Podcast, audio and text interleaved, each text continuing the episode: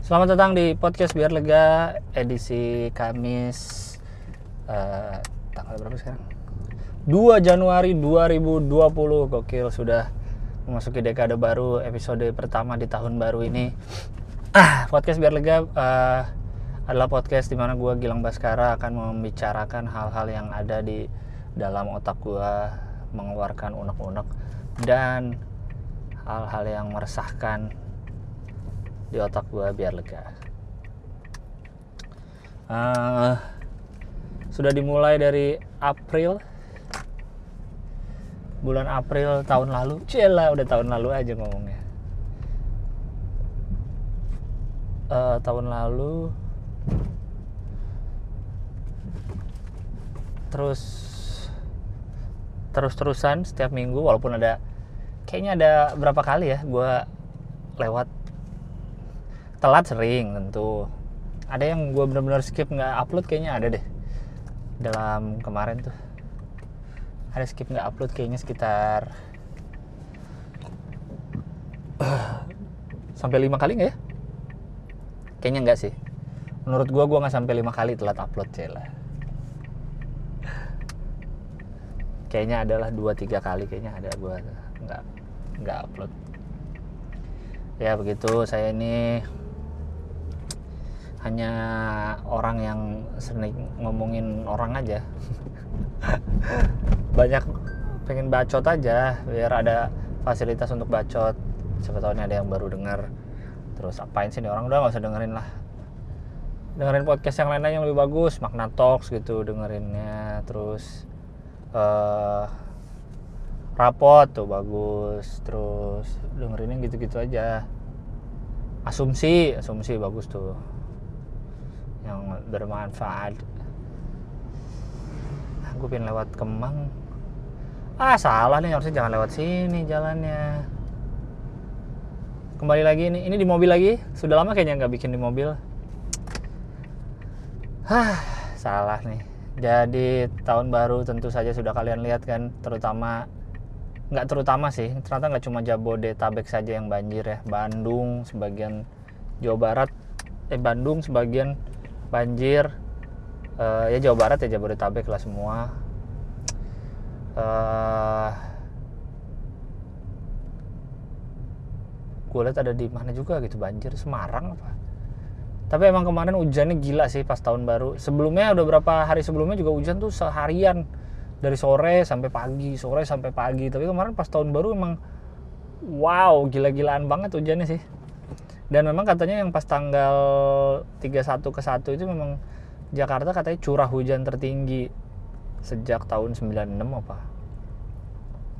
Makanya jadi jadinya banjirnya benar-benar orang-orang yang dulunya tidak pernah banjir daerah rumahnya jadi kena banjir juga kena banjir juga katanya sih gitu ya Bintaro gue lihat tuh pada kena uh, BSD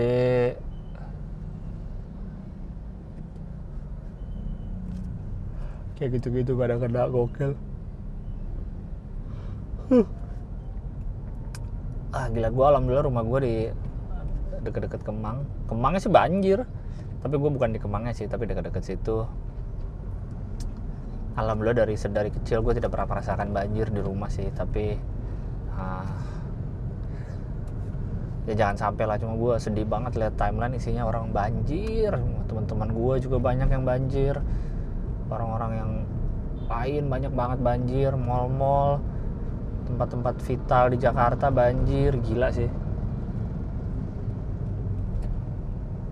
Kayak nggak gimana ya? Gue gua nggak agak sebenarnya gue agak agak ini belok kiri masih banjir nggak ya?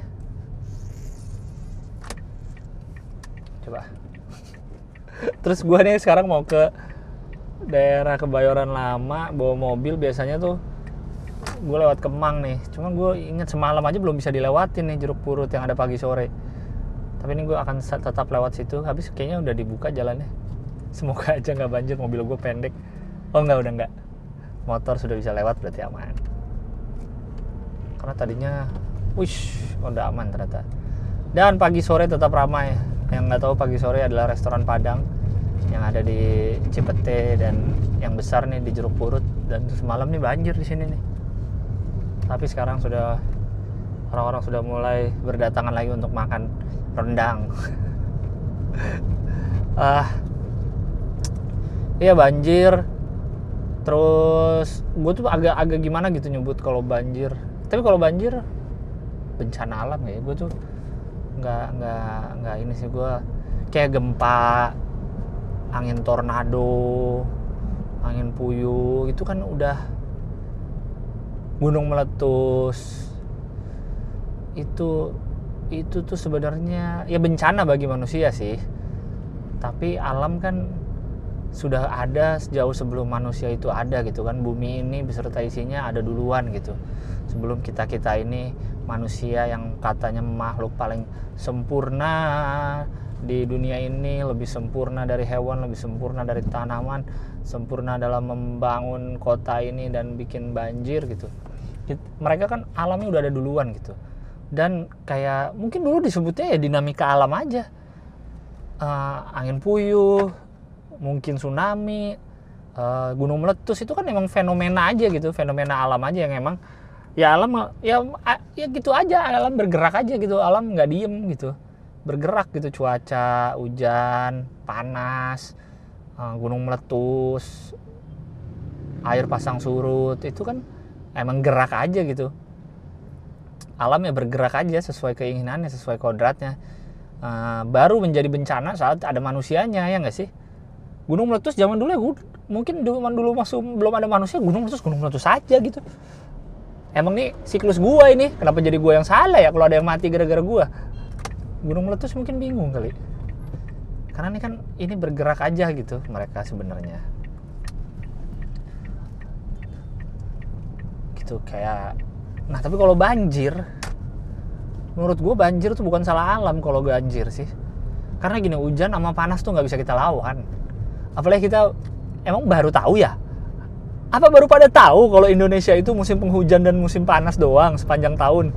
Hah? Cuma ada dua musim? Apa tidak? Apa baru pada kaget? Gitu loh. Sepanjang tahun begini-begini aja dari dulu. Kayaknya dari zaman penjajahan ya cuma hujan sama panas kita nggak bisa ngelawan tapi kita bisa antisipasi itulah kenapa diciptakan payung diciptakan sepatu boots diciptakan rumah yang ada atapnya untuk melindungi dari panas dan hujan gitu kan. Nah, itulah kenapa diciptain jas hujan ponco gitu kan.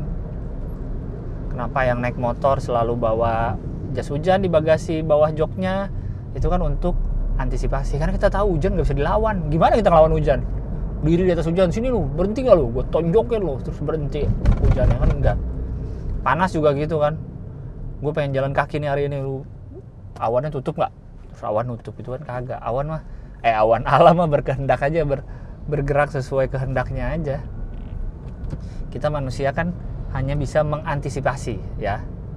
Tidak bisa melawan gitu. Makanya gue ya makanya kita ya gue lah. Gue kalau bawa mobil ya udah lebih santai karena panas hujan insya Allah aman. Tapi kalau gue lagi mau berkegiatan nggak bawa kendaraan alias naik angkutan umum naik ojek naik transjakarta naik MRT gue pasti siap. Jaket. Jaketnya bukan jaket sweater karena jaket yang jaket yang kalau bisa yang agak waterproof sih yang bahannya kayak terpal gitu. Terus pasti gue bawa pasti gue pakai sepatu yang nggak yang apa ya pasti gue nggak pakai sneakers yang gue sayang gitu kalau sneakers yang disayang kena hujan nangis gue mending gue pakai boots pakai apa yang aman. Kayak gitu. Gue pakai jam tangan yang waterproof misalkan. Jadi kalau hujan gue tetap bisa bergerak gitu. Kalau hujan gue nggak neduh diem. Apalagi kalau ada tujuan ada ada ada janji harus waktu tepat waktu segala macam pasti gue biar bisa tetap jalan gitu. Atau bawa payung mungkin kalau itu. Cuma kadang gue payung males sih karena ribet. Laki-laki males gak sih bawa payung apa gue aja? Apa cuma gue doang yang males? Nggak ada. Nggak sih karena gue mendingan bawa jaket sih. Karena gue kalau hujan-hujanan sepatu biasanya sepatu sama tas sama jam tuh aman. Karena semua waterproof. Jadi gue bisa hajar paling jaket doang badan. Celana basah-basah dikit jeans nggak apa-apa lah. Yang penting badan aman sama kepala gitu. Itu itu kan kita itu adalah salah satu bentuk antisipasi ya nggak sih? Terhadap alam. Yang tinggal di pantai pasti udah siap. Kalau air naik udah tahu pasang surut gitu kan. Nah, kenapa manusia bertahun-tahun ini ada kan untuk mempelajari alam kan? Nelayan tahu uh, angin laut sama angin darat gitu kan. Kalau kalau yang kita pelajarin waktu apa ya, SD ya? Kalau melaut tuh biasanya malam karena karena anginnya ngarah ke air. Jadi kapal bisa jalan ke sana gitu kan terus uh, apalagi orang yang manusia-manusia yang tinggal yang sudah tahu negaranya tuh empat musim. Ada salju ada summer ada fall ada summer winter fall autumn. Summer winter autumn sama fall sama ya? Summer winter apa sih? Lupa gue itulah kita suka siri karena lu pengen ada salju di Indonesia. Gila lu. Kalau ada dalam setahun ada salju berarti akan ada panasnya juga yang sangat gila bisa sampai 40 derajat kalau di negara-negara yang bersalju tuh biasanya kalau lagi panas malah edan panasnya. Jauh lebih edan dari kita gitu. Jadi mending syukurin aja lah. Nah kalau orang yang tinggal di salju pasti antisipasi dong. Mereka udah siap. Ada ada ada mereka punya pakaian yang hanya keluar saat winter doang gitu kan punya sekop di rumahnya untuk nyekop uh, nyekop nyekop salju pergi dari jalanan rumahnya gitu biar bisa tetap jalan. Punya rantai kalau lu pernah lihat uh, mobil-mobil di luar tuh di negara bersalju tuh bannya suka ada rantainya tuh biar untuk tambah ngegrip saat di salju gitu. Itu kan uh, bentuk antisipasi. Punya api unggun di rumah. Karena kalau musim dingin ya penghangatnya susah gitu kayak di Lembang beberapa villanya juga ada sih api unggun. Karena Lembang juga suka dingin banget.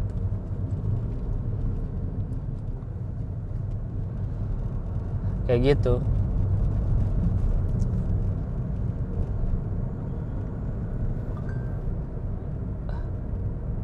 Itu bentuk-bentuk antisipasi bentuk antisipasi manusia terhadap alam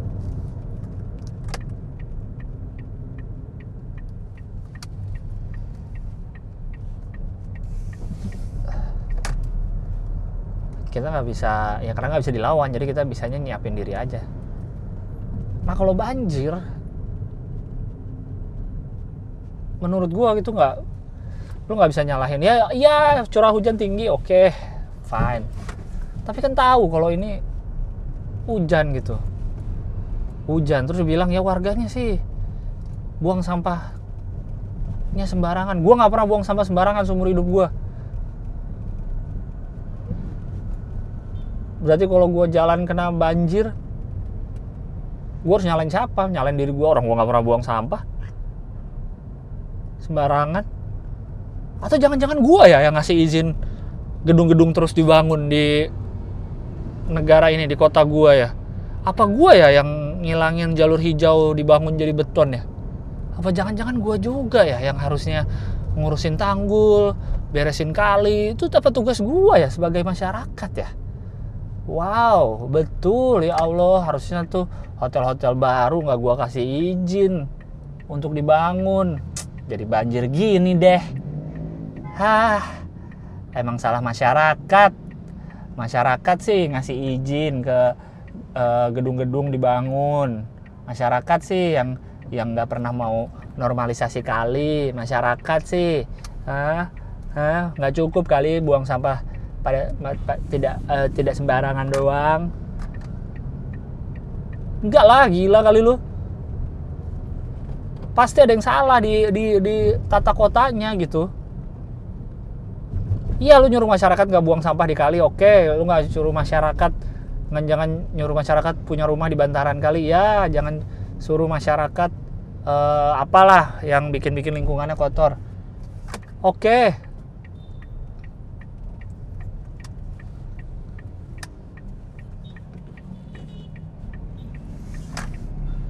Tapi di level teratas selamat para pemimpin rakyatnya kebanjiran kalian-kalian itu kan yang decision maker yang bikin policy. Yang lebih parah ngancurin kan ya izin-izin bangunan. Tiap bangunan kan harusnya ada berapa persennya ada lahan hijau jalur hijau di Jakarta ini berapa banyak sih? Taman daerah serapan banyak. Berapa banyak gitu? Apakah itu tugas saya juga sebagai rakyat untuk membangun jalur hijau? Hah? Ya enggak dong. Lu nyuruh di skala bawah gitu skala mikro nyuruh rakyatnya nggak buang sampah sembarangan. Terus kalau gue udah nggak buang sampah sembarangan gue tetap kebanjiran rumahnya marah ke siapa marah ke alam nggak bisa. Hujan emang gimana? Hujan dari sananya kok. Gitu loh gue menurut gue kalau kalau soal banjir tuh masih harus ada yang tetap pihak yang bertanggung jawab sih. Harus ada yang bertanggung jawab sih kalau banjir gitu. Nggak bisa sepenuhnya karena hujan. Ya emang hujan. Wow apakah mataku tidak bisa melihat kalau banjir itu air? Hah, apakah banjir ini terbuat dari udara saja? Kalau banjir udara tiap hari juga banjir dong. Kan ini air tahu dari hujan tahu, cuma kan kalau hujannya jatuhnya bener ke mana, ada pengairannya ke mana, nyerapnya ke mana gitu, kan pasti nggak akan banjir atau paling nggak menggenang terus cepet turun, cepet hilang gitu, genang bentar hilang, genang bentar hilang. Kayak kemarin yang sebelumnya kan banjir yang tanggal berapa tuh? Pertengahan Desember ada juga tuh kan yang depan Plaza Senayan di Jakarta. Lumayan tinggi. Sampai ada fotonya tuh kan tukang-tukang ojek kesian. Tapi akhirnya cepet turun. Nah mungkin kuatnya segitu kali gorong-gorongnya kalau banjirnya segitu atau gimana. Ya kalau sekarang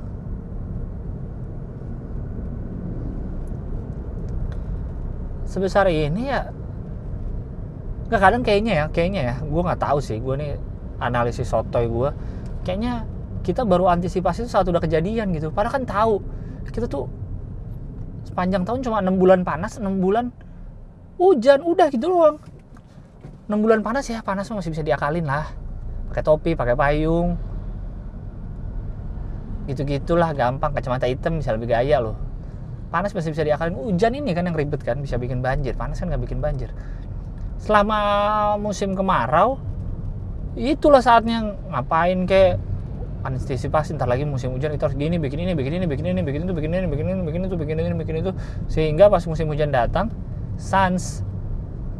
Kalau ini kan kayaknya paniknya tuh setelah hujan gitu paniknya setelah kejadian paniknya setelah ah nggak tahu lah bingung gua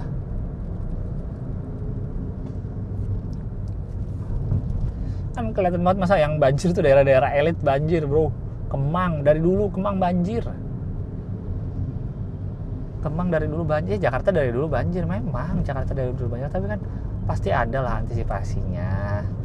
Masa negara-negara di dunia ini nggak bisa belajar dari negara mana gitu cara ngantisipasi banjir.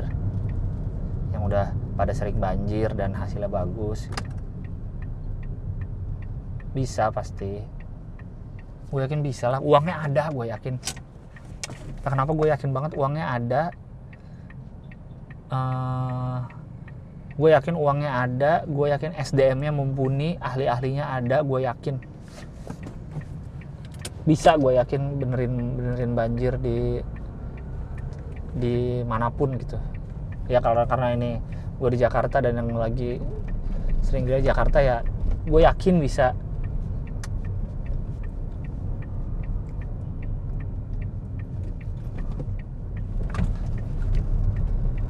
gue yakin bisa gitu. Paling nggak cepat surutnya lah. Mungkin banjirnya mungkin nggak bisa diantis mungkin genangannya mungkin nggak bisa ditahan tapi paling nggak surutnya cepet gitu. Karena yang ini kayaknya worst of them all sih kalau gue lihat ya dari ini dari laporan orang-orang gitu. Gue lihat sekalinya. Kayaknya ini lagi parah-parahnya sih karena uh, Jabodetabek gitu. Hampir semua Jabodetabek itu kena. Sampai jalan tol layang Japek elevated jalan tol Jakarta Cikampek elevated yang baru banjir di atasnya. Ih gemes. Itu jalan tol baru loh. Harusnya kan sudah dengan teknologi terbaru. Gemes deh. Apakah ini semua konspirasi? Konspirasi negara dengan perusahaan otomotif. Biarin banjir biar mobil pada rusak. Nah biar mobil rusak ya otomotif jadi bisa ini kan orang servis orang ada yang beli baru orang ada yang pada beli jeep beli SUV orang pada benerin mesinnya. Jadi dapat uang otomotif. Apakah begitu? Konspirasi ini semua. Freemason ini pasti nih. Konspirasi Wahyudi.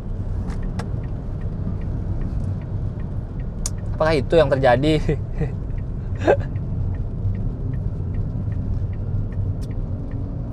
ah tahu lah. Tahu gue sedih gue asli liatnya tuh.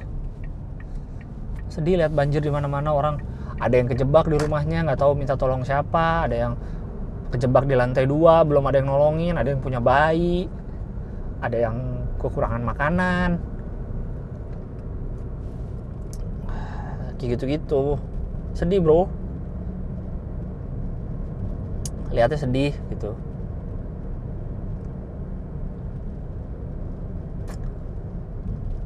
Harusnya bisa diantisipasi yang gini-gini teh.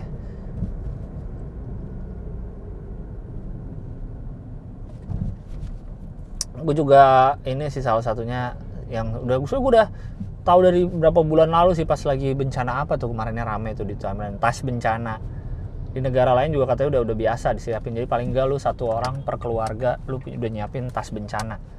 Tas bencana itu uh, isinya adalah tas yang bisa lu sekali ambil kalau amit-amit kejadian apa-apa di rumah lu gitu. Entah gempa entah banjir gitu. Jadi tas itu isinya ada obat-obatan ada baju pakaian yang bisa dibuat baju ganti ada alat mandi ada dokumen-dokumen penting kayak BPKB surat rumah uh, apa paspor bla bla bla segala macam ada center dalamnya ada makanan ringan ada minuman. Obat ya pokoknya yang sekali ambil tuh udah siap hidup lu paling nggak untuk 72 jam katanya. Ah, anjing gue paling sebel nih pakai rider tapi bukan siapa-siapa. Fuck you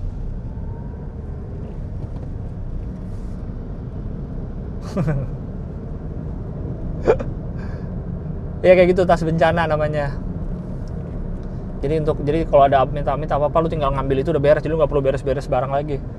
Kalau bisa ada power bank juga kayak gitu gitulah di dalam tas itu. Gue udah beberapa bulan lalu tuh pengen bikin wacana wacana wacana. Anjing gue ngeliat banjir kayak gini walaupun alhamdulillah rumah gue baik-baik aja cuma kan siapa tahu kita nggak akan pernah tahu. Jadi gue pengen siapin gue akan segera menyiapkan ini. Kemarin tas bencana gue juga juga sempat share di twitter gue uh, isinya apa aja kayak nanti gue share di di Instagram juga lah. Untuk kita bersiap-siap kalau ada apa-apa. Ya ya kita tentu tidak mau lah terjadi bencana.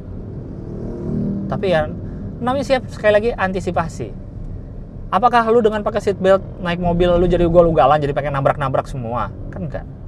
Apakah dengan anda pakai helm saat naik motor anda ingin sengaja jatuh-jatuhin diri? Kan enggak. Intinya adalah cuma untuk antisipasi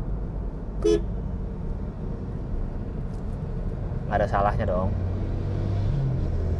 Gue sih sekarang udah nge-save dari eh, dulu tuh dari berapa bulan tuh gue nge-save tas yang mau gue beli ranselnya apa kira-kira yang mau gue beli terus apa P3K gitu sih. Kayaknya hari ini gue akan melengkapi obat-obatan segala macam gitu gitu gue udah tahu ransel yang mau dibeli apa ini yang mau dibeli apa. Kayak gitu kurang lebih.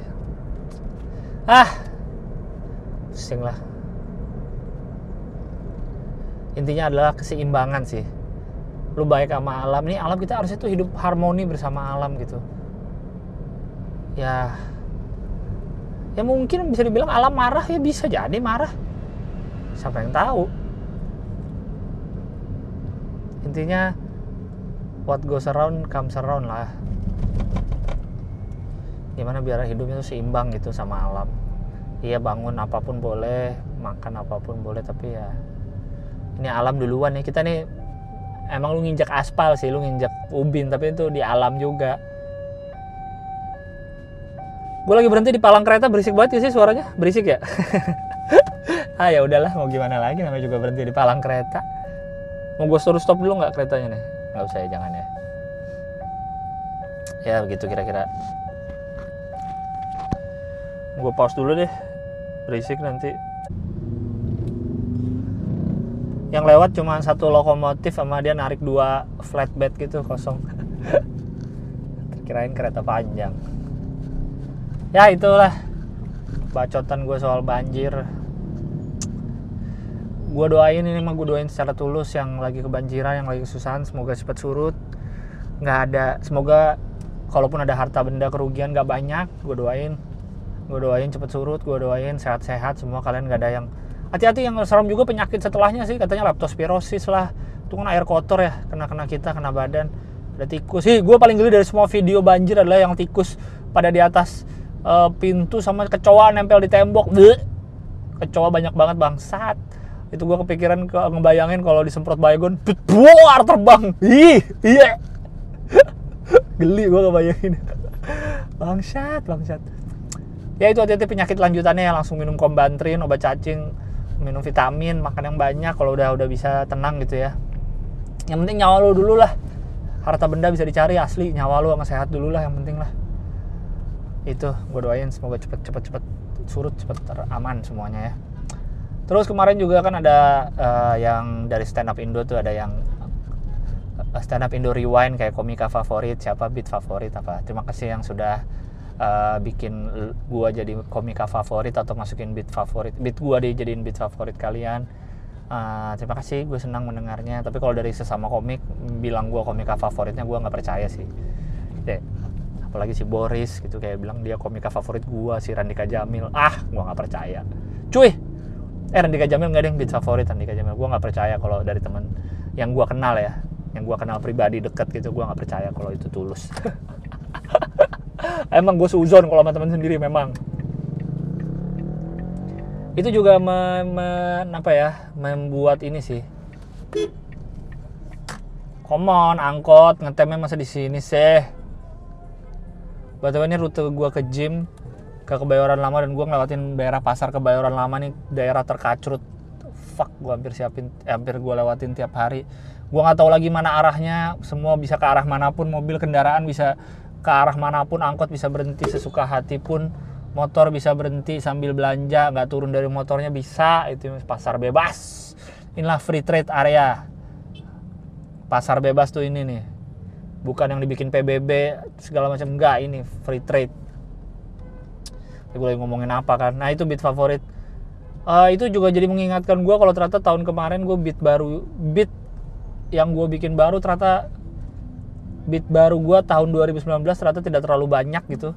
Karena gue ngeliat beat favorit orang ya itu itu aja gitu gue ngeliat kayak seneng sih berarti beat gue bagus maksudnya menyentuh cah lah menyentuh diingat lah beat gue memorable. Tapi ya kalau untuk guanya berarti gue kurang banyak bikin beat baru sih. Gue ya, motivasi untuk rajin menulis ya uh, angkot. Terus apa lagi ya? Oh kemarin gue kan show panggung terakhir gue di 2019 yaitu Tridente Jakarta. Tridente Jakarta tuh sebelumnya di bulan Agustus gue tampil di Tridente Bandung. Itu tuh show tiga temen gue di stand dari stand up Bandung Tamarandi, Gusman Sige dan Kamal Ocon. Walaupun di Tridente Jakarta tuh banyak banget itunya sih. Seru banget maksudnya banyak banget. Bukan drama ya drama mungkin ya naik turunnya lah gitu gue kan minggu lalu habis dari Pangandaran tuh Sabtu minggunya. Shownya Sabtu nih ya. Shownya Sabtu. Hari Selasa ibunda dari Kamal Ocon salah satu penampilnya meninggal dunia. Rajun semoga dikuatkan semoga masuk surga. Ma meninggal dunia Kamal. Oke gue pasti Kamal nggak ikut tampil lah Sabtunya. Oke okay, it's okay. Terus tampil Sabtu Jumatnya dapat kabar Gusman Sige masuk rumah sakit kena DBD di opname di Bandung. Ya Allah. Ada-ada aja. Ternyata setelah diskusi gue nanya Tama kan Tam gimana nih? Setelah diskusi ternyata akhirnya Gusman tentu tidak bisa karena di opname dan belum bisa keluar dari rumah sakit. Tapi Kamal tetap tampil walaupun masih dalam keadaan berduka gue yakin tapi beliau tetap tampil. Uh, Gusman digantikan oleh Adi Arkiang ada komik Bandung juga. Akhirnya shownya gitu diganti sama Adi Arki yang open mikersnya ada tiga kalau nggak salah kemarin. Terus ada dua feature anak Bandung juga kebetulan. Openernya satu si Giawan anak Bandung juga. Terus urutan tampilnya Tama Kamal. Kamal dia dia tetap tampil lucu sih kerennya itu sih menurut gue dia tetap tetap, tetap, tetap tampil lucu. Dia di tengah dia bacain puisi buat ibunya di tengah dia agak nangis gila tuh show stand up yang ada nangisnya ada ketawanya tuh luar biasa banget sih kemarin Tridente menurut gue Tridente the best kemarin. Akhirnya gue tampil terakhir dan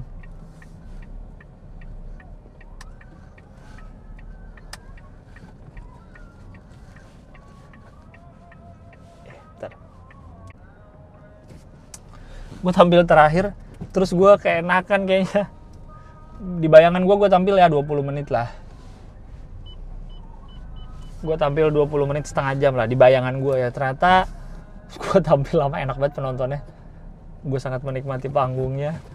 Gue keenakan tampil tampil tampil tampil tampil tampil. Ternyata pas selesai 51 menit ya Allah. Mohon maaf ya kepada penonton kalau dirasa gue kelamaan. Tapi itu justru karena kalian enak banget dan gue kan sebagai headliner kalau headliner kan gak dikasih batas waktu jadi ya udahlah. Tampil aja terus. Ya makasih banyak yang udah nonton uh, Tridente Jakarta kemarin. Eh. Ah gue pengen baca email dulu ya. Gue udah sampai ntar aja deh ya. Lanjut ntar gue lanjutin baca email oke? Okay? oke lanjut podcastnya. Tetap aja padahal tappingnya di hari Kamis tayangnya di hari Jumat dini hari. Ya biasalah. Yang rumahnya tadi masih banjir apakah sudah pada surut? Semoga pada surut ya udah ya. Biar tidurnya bisa nyenyak hari ini dan besok besok dan kali ini terpantau malam ini di daerah Jakarta Selatan deket rumah gue tidak hujan. Jadi semoga aja ada waktu buat uh, apa namanya ada waktu buat bersih bersihin jadi nggak nggak nggak lagi bersihin hujan lagi bersihin hujan gitu. Semoga ada kesempatan untuk bersih bersih baca email dulu ya. Pencet apaan tadi tuh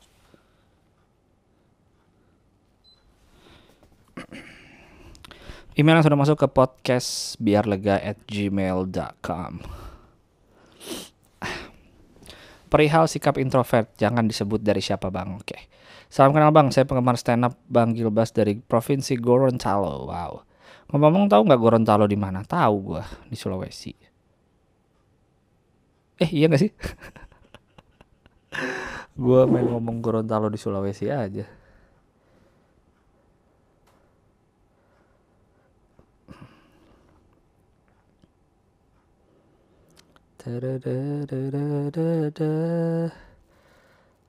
Oh iya dong, bener dong, Sulawesi.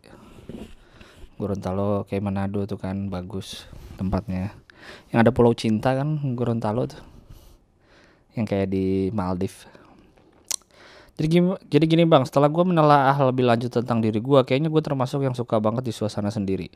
Gue ngerasa lelah kalau di kerumunan banyak orang gitu. Bukannya mau so introvert, tapi emang diri ini berkata begitu. Karena sifat gue yang gini, beberapa teman gue sering ngatain kalau gue solo karir. Dalam hati gue ya itu terserah gue mau nyamannya gimana. Tapi beberapa teman gue kurang nyaman berteman dengan orang yang jarang nongkrong kayak gue. Menurut lu gimana hadapinnya bang? Makasih udah baca emailnya biar lega aja curhat. itu tandanya lu mesti ganti circle pertemanan yang lebih oke. Okay. Ya, ya kan orang sifatnya beda-beda. Kalau temen lu nggak bisa nerima berarti lu harus cari teman lain. Ngapain? Orang lu suka sendiri kan? Ya udah sih nggak punya teman slow bro. Sama gue juga kayak gitu kok. Lebih seneng keramaian malas lebih seneng gitu. Cuma kalau teman lu nggak bisa ngerti mah aneh namanya bukan temen. Cari pertemanan baru aja yang lebih yang lebih gampang dimengerti. Gampang mengerti kamu maksudnya. Lanjut mau cerita subjeknya Halo Kak Gilang, kenalin nama aku Maria Yubel Gratia Dominic Sherina Silalahi. Wow. si cewek campuran Sunda Batak yang kalau lagi ada waktu selo di sela-sela kuliah always selalu dengerin podcastnya Kak Gilang. Anyway, Happy New Year Kak. Aku di sini aku cuma berterima kasih aja sama Kak Gilang yang berapa bulan lalu sempat cerita eh tadi lanjutannya eh yang tadi yang sebelumnya kapan-kapan suruh anak stand up Indo main sini bang belum pernah ada yang show di sini jangan suruh undang ke sana suruh-suruh mah kan pakai duit bro ke sana bro eh lanjut tadi. Yang dari Maria Yubel Gratia Domi Dominic Sherina Silalai. Namamu kurang panjang. Happy New Year Kak. Di sini aku cuma mau berterima kasih sama Kak Gilang yang beberapa bulan lalu sempat cerita dikit soal tour Central Borneo beserta nama travel agentnya. Dan awal Desember kemarin aku nyobain Kak. Seru. Ya ternyata tapi sisi lain aku mengalami salah satu judul film ko Ernest susah sinyal. But I'm so happy kau bisa ketemu sama orang hutan dan ngerasain tidur di kapal. Oh kamu ke Tanjung Puting, wow selamat. Bagus banget emang. Yang belum ke Tanjung Puting mainlah ke Tanjung Puting. Karena di situ bintang eh bintang tamunya lagi. Turisnya orang orang bule semua. Jarang sekali orang Indonesia. Oke salam. Sini Assalamualaikum warahmatullahi wabarakatuh Waalaikumsalam Subjeknya ngomongin toleransi Oke Saya Suyitno dari Cilacap Saya Gilang dari Jakarta Saya mau tanya menurut Bang Gilbas Apa itu toleransi? Toleransi itu adalah menurut saya uh, bisa menerima perbedaan orang lain, bisa mem membiarkan orang melakukan hal-hal yang dia suka. Karena kan kita kan ada uh, apa namanya? Kita kan merdeka, kita bisa ngelakuin apa pun asal tidak mengganggu hak-hak orang lain. Gitu kalau nggak salah kan. Istilahnya apa? Bebas bebas terbatas ya. Apa istilahnya ya? Gue lupa namanya. Ya itulah intinya bebas melakukan apa pun asal tidak mengganggu kebebasan orang lain juga. Gitu jadi itulah toleransi menurut gue biarin orang ngelakuin apa pun asal orang itu juga nggak ngambil hak orang lain berapa hari yang lalu ada postingan dari salah satu komik yang isinya bagi yang merayakan dan bagi yang merayakan titik oh, titik ya bagi yang merayakan dan kalau ada yang bilang ngucapin Natal itu dosa haram pindah ke Arab aja Indonesia itu bineka tunggal ika, berbeda tapi tetap satu jua. Dari dulu sampai sekarang belum berubah. Dari kecil juga diajarin guru agama kalau berdoa rame-rame di kelas. Selalu ada kata-kata berdoa menurut agama dan kepercayaan masing-masing berdoa mulai. Jadi salam kerukunan antar umat beragama. Emoticon love, emoticon bendera Indonesia. Menurut abang apakah itu menunjukkan sikap toleransi atau tidak? Jika iya apa-apa alasannya, jika tidak kenapa? Di postingan itu juga ada komentar yang isinya, Situ justru yang tidak menghargai mereka tunggal ika. Berhentilah bersikap seperti orang munafik. Orang yang memegang teguh ajarannya bukan berarti tidak menghargai kemajemukan. Kenapa orang harus dipaksa ngucapin hari Natal? Kenapa harus diseragamkan sikapnya munafik? Gokil. Di komentar itu, apakah abang sependapat atau tidak? Apa alasannya? Kalau menurut gua ya, kalau yang soal ucap-ucapan Natal ya, kalau lu umat Muslim, lu mau ngucapin silahkan. Lu nggak mau ngucapin juga nggak apa-apa. Gua kasih tahu ya, orang-orang yang merayakan Natal tuh juga nggak butuh kita ucapin gitu gak, gak bakal Natalnya batal karena aduh Natal ini batal nih karena temanku yang Muslim tidak ngucapin. Nggak Natal mereka tetap berjalan kumpul keluarga tetap berjalan gitu. Jadi nggak usah merasa diri kita penting yang harus ngucapin Natal. Kalau menurut gua apa pun yang mau lakukan mau ngucapin mau enggak mau makan tai kek mau makan pete lewat mata kek mau naik kuda ke kampus kek tidak apa-apa lakuin apa pun yang lu mau. Asal pertama tidak mengganggu hak hak orang lain. Yang kedua adalah tidak memaksakan orang lain untuk melakukan hal yang sama seperti lu. Gampang dong. Ada orang suka makan uh, bakso pakai nasi. Sebagian orang nganggap itu aneh terus lu cobain dulu ayo dong lu salah lu apa ya udah sih lakuin apa yang lu lakuin udah gak usah ribet sama urusan orang coba tua lu ngurusin banyak urusan orang lu urusan hidup lu sendiri aja udah pusing Oke ini lanjutan emailnya ya. Bang boleh kirim-kirim salam nggak? Kalau boleh saya mau kirim salam ke Zahra Capricorn Girl. Zahra boleh tahu Instagramnya nggak? uh, Zahra Capricorn Girl. Dia udah lama juga nggak email ya. Uh, Zahra Capricorn Girl. Gila dia bener lama-lama gue ada pengemail setia. Bener-bener kayak radio nih. Uh, Zahra Capricorn Girl ada salam dari Suyitno. Mas Suyitno dari Cilacap ya. Terus buat yang kemarin namanya panjang banget yang lagi pengobatan, kamu tetap semangat ya, terus berdoa mudah-mudahan kamu cepat pulih dan sehat seperti sedia kala. Terus buat semua pendengar setia yang podcast biar lega. Semoga selalu sehat, banyak rezekinya dan selalu bahagia. Amin. Buat Bang Gilbas semoga amin. Itu gua aminin dulu juga. Buat Bang Gilbas semoga juga sehat terus, karirnya makin naik, sehat selalu dan semoga bahagia selalu. Amin. Sekian dari saya mohon maaf kalau kepanjangan. Assalamualaikum warahmatullahi wabarakatuh. Waalaikumsalam warahmatullahi wabarakatuh. Dikirim dari Sony Xperia ZX Docomo X Japan. Bagus kamu uh, jujur ada emoticon ketawanya lagi terakhir. Amin. Ya nih gue pengen lebih rajin. Apa ya gue kebanyakan tiduran sekarang nih gue nih. Main HP, main HP ini racun banget main HP nih. Ya nggak apa-apa sih main HP asal digunakan untuk hal produktif. Tapi kadang kan cuma buat main-main. Scroll-scroll liatin semua instastory orang sampai mati, sampai butek juga. Aduh. Ah, udahlah. Lanjut, jangan dibaca dari siapa ya bang. Assalamualaikum bang, selamat tahun baru ya. Ya, pengen cerita biar lega mau nyebut mau nyebutin orang yang ada selama kurang lebih satu tahun bisa jalan bareng. Namanya Bayu Septianuari. Nggak bisa ngeposting tentang dia. Ya mungkin entah kapan dia akan dengar. Pasti dia tahu siapa yang nulis ini. Tapi nggak lu sebut namanya, tapi nyebutin nama orang lain. Ketahuan juga dong. Mau bilang terima kasih un untuk ada selama tahun 2019 jadi teman main, teman cerita, teman nonton YouTubean, cie. Dan paling nggak dilupa kalau diminta pijitin kepalanya, nanti akan kangen ini. Cie, dipijitin kepalanya. Tapi aku lihat foto email kamu, kamu pakai kerudung. Jadi kalau dipijitin kepalanya nggak langsung kena dong. Kena kain-kain kerudungmu dulu. Justru pijitin kepala tuh paling enak. Rambutnya kegesek-gesek gitu tuh. Cie, pijit-pijit kepala nih gemes deh. Semoga dia bertemu dengan jodohnya, jangan kebanyakan main, jaga kesehatan, dan jangan lupa ibadah. Karena agak gengsi untuk ungkapkan kata-kata, mau chat aja udah nggak enak. Terima kasih ya, semoga 2020 lebih baik lagi. Ingat sama umur bang, hehe. Makasih kalau di kalau dibacain semoga dia dengar. Kenapa semoga dia bertemu dengan jodohnya? Udah pijit-pijit kepala loh kalian.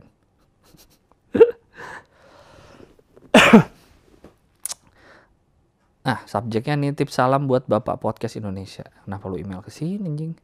Hai Bang Gilbas, abang kan satu circle sama Bang Adri ya. Kata siapa? so tau lu.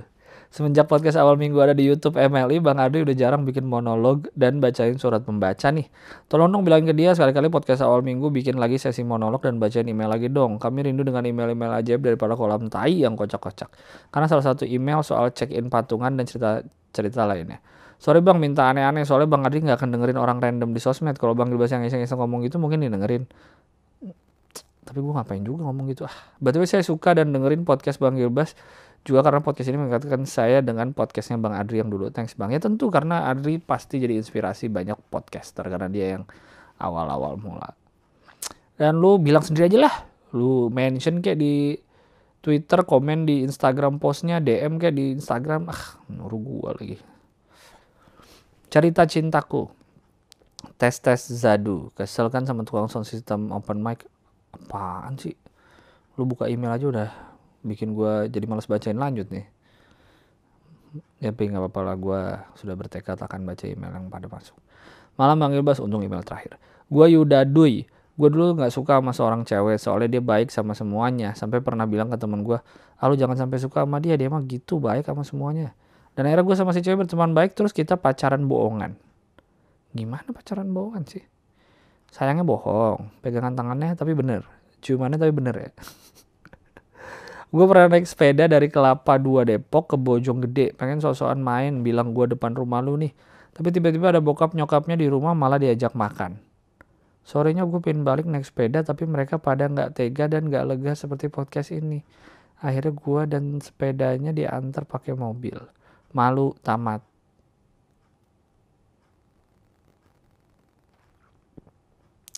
Gue bingung harus bereaksi apa sih sama email lo dan cerita lo ini. Ah, ya sudahlah. Itu saja emailnya dan itu saja uh, pembicaraan di podcast kali ini. Uh, Sekali lagi yang kena banjir gue doain cepet surut semoga beres-beres. Mumpung nggak hujan malam ini semoga bisa cepet surut cepet beres-beres. Barang kalaupun ada kerugian tidak signifikan bisa aman. Hanya harta benda ingat nyawa lu yang paling penting. Nyawa lu nyawa keluarga lu paling penting. Semoga aman semua sehat semua uh, bisa bekerja dan rumahnya berfungsi lagi seperti biasa oke okay? dan satu lagi uh, jaga kebersihan lingkungan uh, buang sampah jangan sembarangan ya Dan untuk para pemimpin, pemimpin ini harus ada yang tanggung jawab. Ya.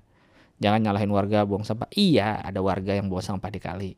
Saya mengakui, iya ada orang yang suka buang sampah sembarangan. Tapi urusan membangun hotel, apartemen, gedung, jalur hijau mana, resapan di mana itu bukan tugas rakyat dong. Nah, nah, itu tugas para pemangku jabatan. Saudara dipilih bukan di lotre. Oke, kalau kami tak kenal siapa saudara. Semoga ada semoga ada cepet apa ya penanggulangannya banjir nih apalagi di Jakarta terutama dan semoga di kota lain tidak ada banjir lah dan jangan selalu selalu nyalain alam karena alam tidak hanya bergerak sesuai kehendaknya sesuai kodratnya. Jadi bukan bencana. Bencana saat karena ada manusia yang kena. Kita bilangnya bencana alam padahal alam hanya bergerak sebagaimana mestinya dari dulu sebelum ada kita kita kutu kupret yang merusak alamnya nih Nah, curah hujan tinggi gue yakin itu karena perubahan iklim juga. Perubahan iklim karena siapa? Karena manusia. Lu udah ganggu rumah orang nih nih terus yang punya rumah jadi hujannya jadi nggak jelas jadi makin panas kutub mencair air laut jadi makin tinggi. Terus lu mau nyalahin alam lu sebut itu bencana. Ya bukanlah lu yang salah. Kita yang salah. Sudah tidak menjaga keseimbangan dengan alam.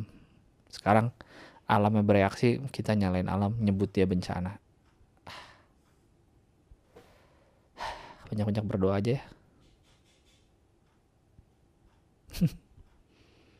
yang paling nggak mulai dari diri sendiri lah nggak ngerusak alam mengabung sampai sembarangan. Udah mau akan segera saya upload. Terima kasih banyak udah mendengarkan podcast pertama di 2019 ini. Uh, jaga kesehatan selalu jaga lingkungan. Sampai jumpa di episode berikutnya. Bye bye